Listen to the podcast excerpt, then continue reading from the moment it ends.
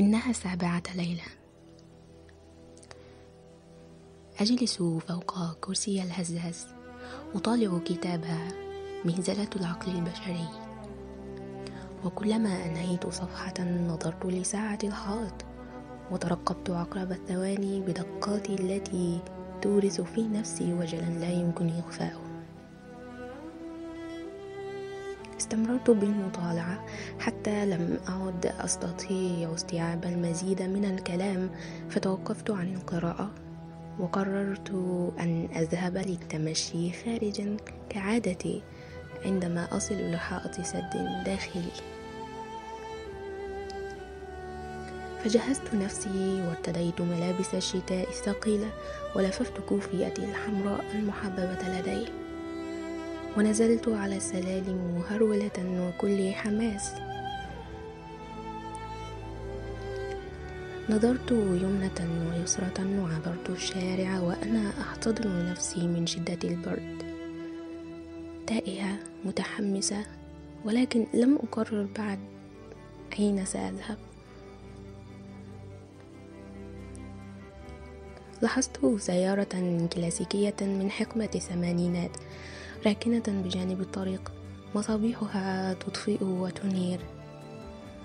ثم تطفئ وتنير. كتقلبات روحي في تلك اللحظة بالذات.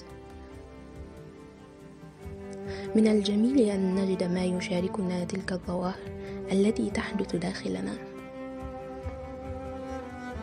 نظرت لها لدقيقة واحدة فقررت أن أذهب لأحصل على كوب قهوة. محوجة.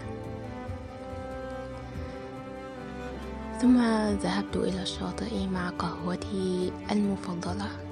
أحاول الحصول على بعض الحرارة بأن أسرع خطاي قليلا وأحاول جاهدة ألا أسكب القهوة على ملابسي بسبب ذلك.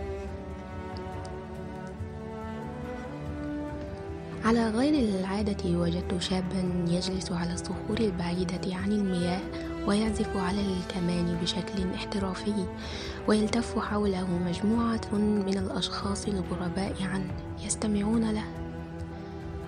أثرت أن أستمع وبيننا تلك المسافة حتى أشعر أكثر بوقع الكمان. وحدثت مفاجأة أخرى. السماء تمطر. البحر يزداد غضبا كمجموعة ثيران برية في موسم الهجرة. خفت في البداية ولكن اجتاحتني نوبة حنين. جعلت الدموع تكون طبقة خفيفة في عيني لكن لم تكن تلك الدموع البسيطة كافية. ضحكت وبكيت في نفس الوقت. البحر دائما جديد بالنسبة لي. دائما يغرقني في مجموعة عظيمة فاخرة من اللحظات. لوهلة تلك الزحمة المرورية في رأسي تحولت فجأة لفراغ جميل كفراغ الفضاء فراغ تزينه النجوم البعيدة. تحولت روحي لصفحة بيضاء ما لها زمان ولا مكان. عرفت أنها تتلقى سرا من أسرار البحر. فلم أشعر بالحاجة لتحليل وملاحظة تلك اللحظات. تركت نفسي فيها وأرخيت قبضة وعي عني. ثلاثون دقيقة مرت دون كلمة واحدة دون فكرة واحدة في رأسي. وقفت فقط.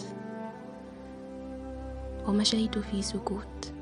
وأوجه نظري لخطواتي الرتيبة الهادئة. تلقيت السر. ولم أعد بحاجة إلى مزيد من الأسرار التي لا أملك المقدرة على استيعابها كلها في ثلاثين دقيقة.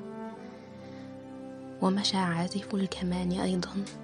بعد أن أعطانا بعض الأسرار البسيطة من روحه على الأوتار.